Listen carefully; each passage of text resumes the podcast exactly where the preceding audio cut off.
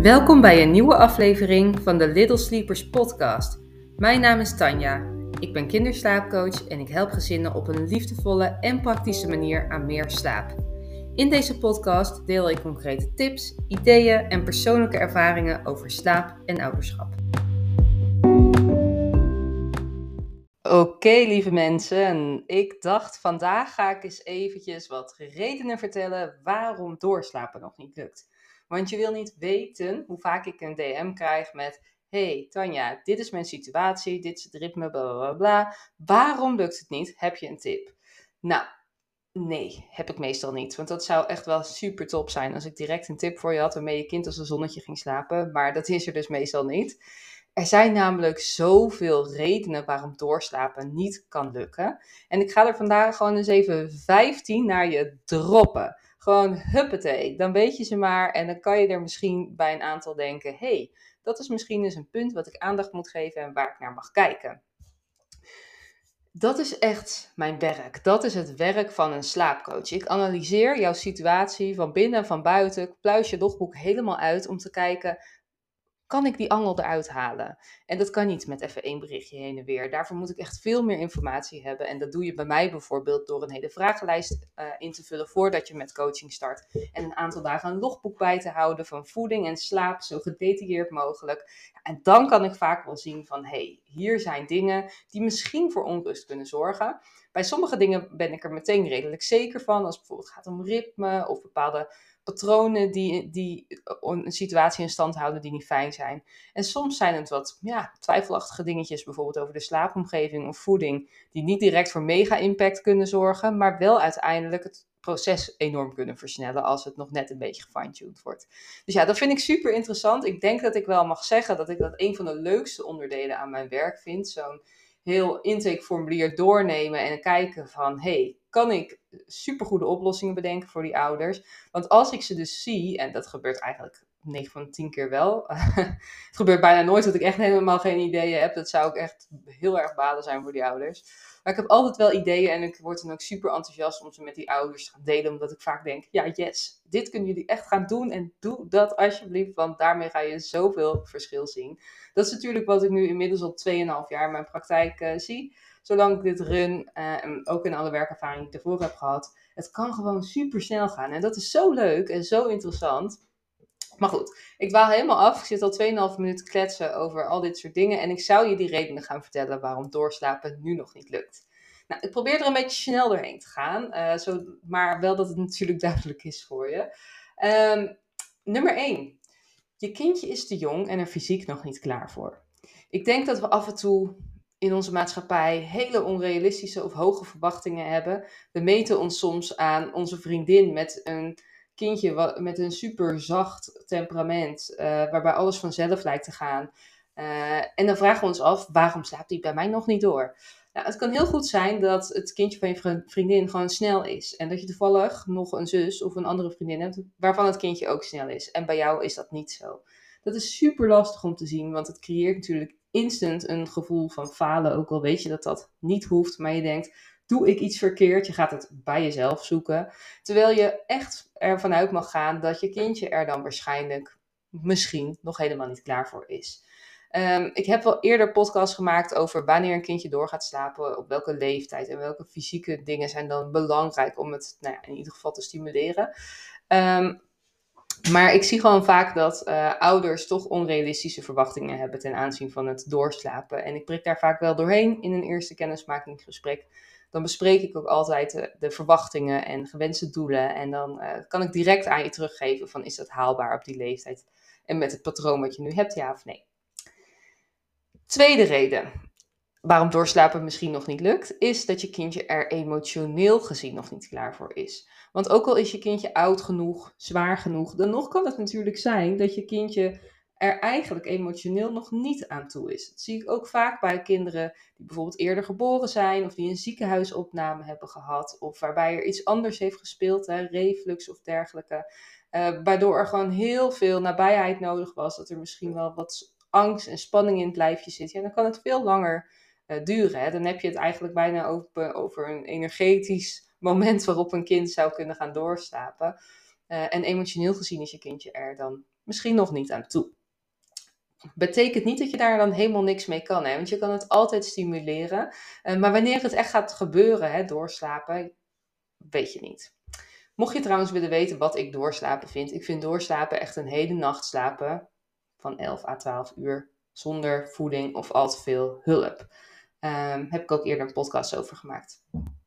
De derde reden waarom doorslapen mogelijk nog niet lukt, is omdat er een slaapassociatie is. Nou, als je misschien al hebt verdiept in het onderwerp slaap bij jonge kinderen, dan weet je wat een slaapassociatie is. Eigenlijk een handeling of uh, uh, ja, iets wat moet gebeuren voordat jouw kindje in slaap kan vallen. Kan zijn wiegen, voeden, autorijden, zingen, sussen, nou, noem het op. zijn ook dingen die eigenlijk altijd gebeuren, vaak gebeuren het in slaap vallen. Bijvoorbeeld even knuffelen of een boekje lezen of uh, de slaapzak aantrekken, de gordijnen dicht doen. Hè. zijn ook allemaal slaapassociaties. En uh, eigenlijk mag je ervan uitgaan dat ja, jouw kindje dat veel nodig heeft om weer opnieuw in slaap te kunnen vallen naar het slaapcyclus.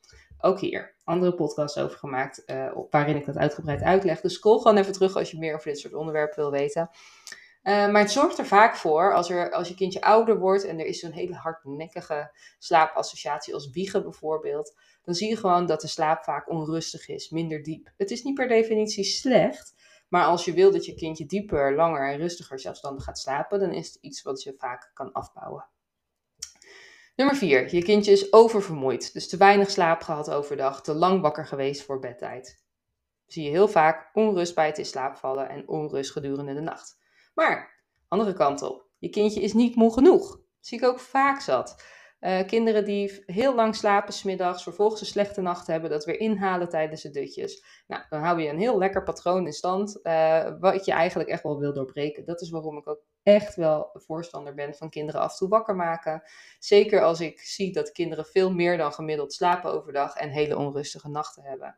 Te veel slaap kan ook echt zorgen voor het niet kunnen doorslapen. Dat kan je zelf ook wel bedenken. Als jij als volwassene de hele dag vijf, zes uur lang gaat slapen, ja, dan zal je s'nachts misschien iets minder goed slapen dan dat je normaal doet. Nummer 6. Je kindje heeft honger. Nou ja, kan je wel zelf een beetje invullen, denk ik. Hè? Als kinderen overdag niet voldoende binnenkrijgen uh, of niet voldoende juiste voedingsstoffen binnenkrijgen, ja, dan kunnen kinderen wakker worden van honger. Zeker in het eerste jaar, waarin het ook nog heel normaal is om voeding te krijgen s'nachts. Uh, kan te weinig voeding overdag, of te weinig vaste voeding, of te weinig veelzijdige voeding echt zorgen voor onrust in de nacht. Nummer 8. Je kindje heeft het te warm of te koud. Hè? De temperatuur moet eigenlijk gewoon goed zijn.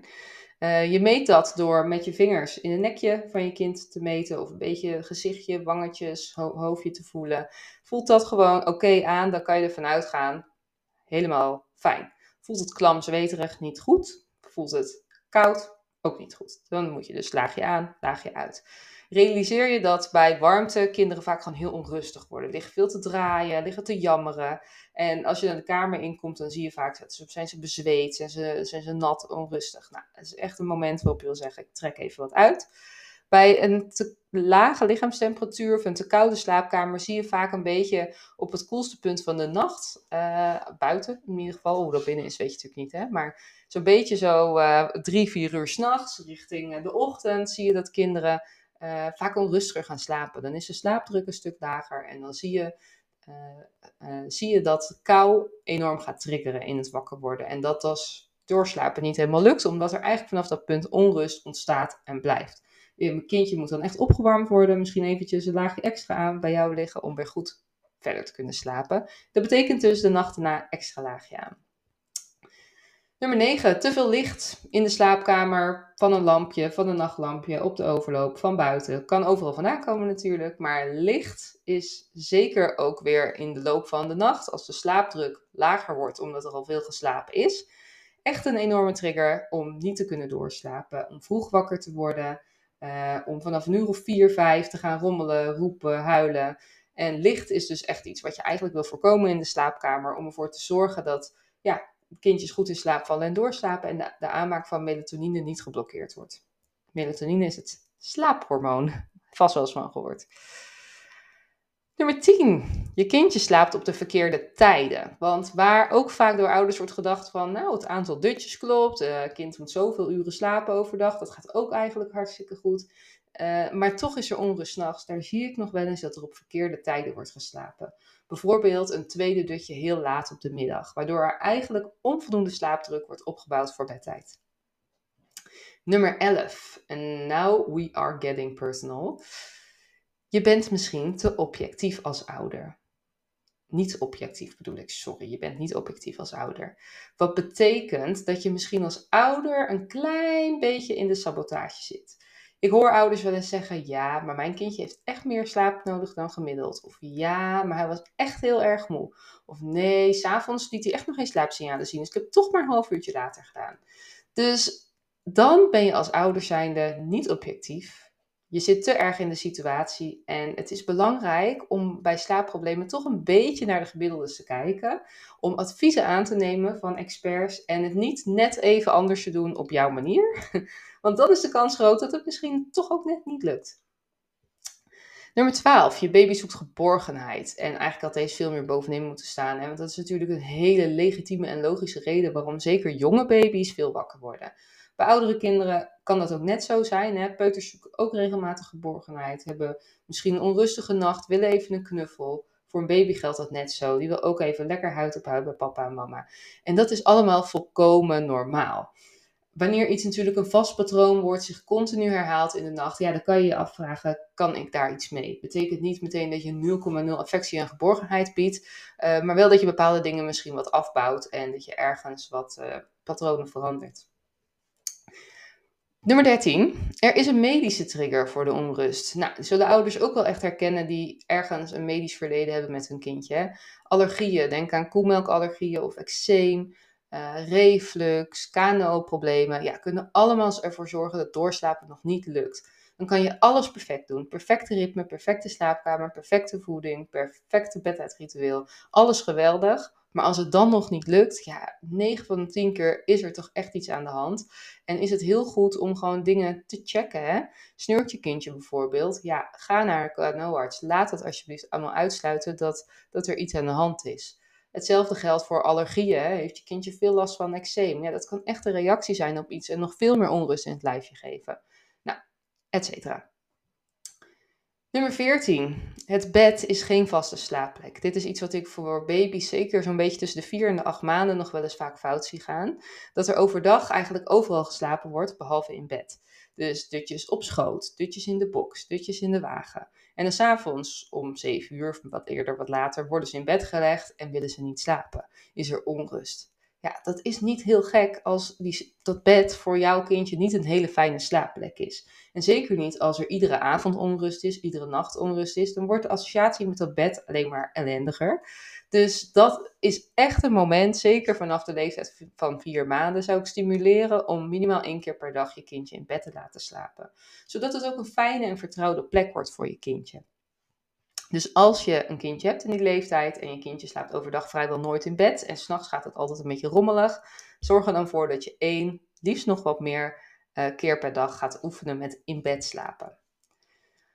En nummer 15 is ook weer een beetje een vingerwijzer, maar ik wilde eindigen met iets waar je zelf ook bewust op kan zijn. En dat is dat je te vaak van aanpak wisselt als ouder dit is iets wat super normaal is, wat ik ook zelf heel veel heb gedaan, maar waar ik echt ouders op het hart wil drukken. Dat als je iets probeert in het veranderen van het slaappatroon van je kindje, dat je iets echt de tijd geeft. Het is belangrijk dat als je het hebt over een bepaald ritme, of het oefenen met zelfstandig slapen, of het afbouwen van iets, dat je dat zeker wel vijf tot zeven dagen de tijd geeft, misschien wel zeven tot tien dagen de tijd geeft. Echt wel een ruime week voordat je bepaalt of iets werkt of niet.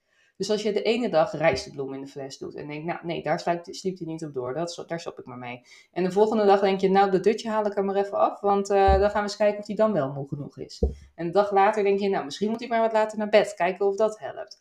Dit is wat ik echt zie gebeuren. En het is logisch. Je bent aan het paniekvoetballen, want je zit helemaal in je, in je systeem. Maar je bent dus niet objectief. Je hebt geen helikopterview. Je kan niet als een, ja, ja, gewoon eigenlijk als een, zoals ik als expert naar een situatie kan kijken, dat lukt je niet meer. En dat is super logisch, want als je moe bent, dan is het ontzettend moeilijk. Dan realiseer je dat het heel belangrijk is om consistent te zijn in je aanpak. Dat is waarom slaapcoaching vaak ook zo goed werkt. Ik maak een plan wat goed voelt voor jou, wat klopt. waarbij jij het idee hebt van oké, dat kan ik gaan toepassen en ik ben je cheerleader, zodat je het kan gaan volhouden. En ik laat je ook zien waar de progressie zit. En die zie je soms niet als je het alleen doet. Dan zie je niet dat het eigenlijk wel ergens iets beter gaat, of makkelijker, of sneller. En ik ben er om je daarop te wijzen, om te zeggen: hey, let eens op, dit ging al veel beter dan twee dagen geleden. Hou vol, zet door. Je hebt het moeilijkste gehad. Kom op.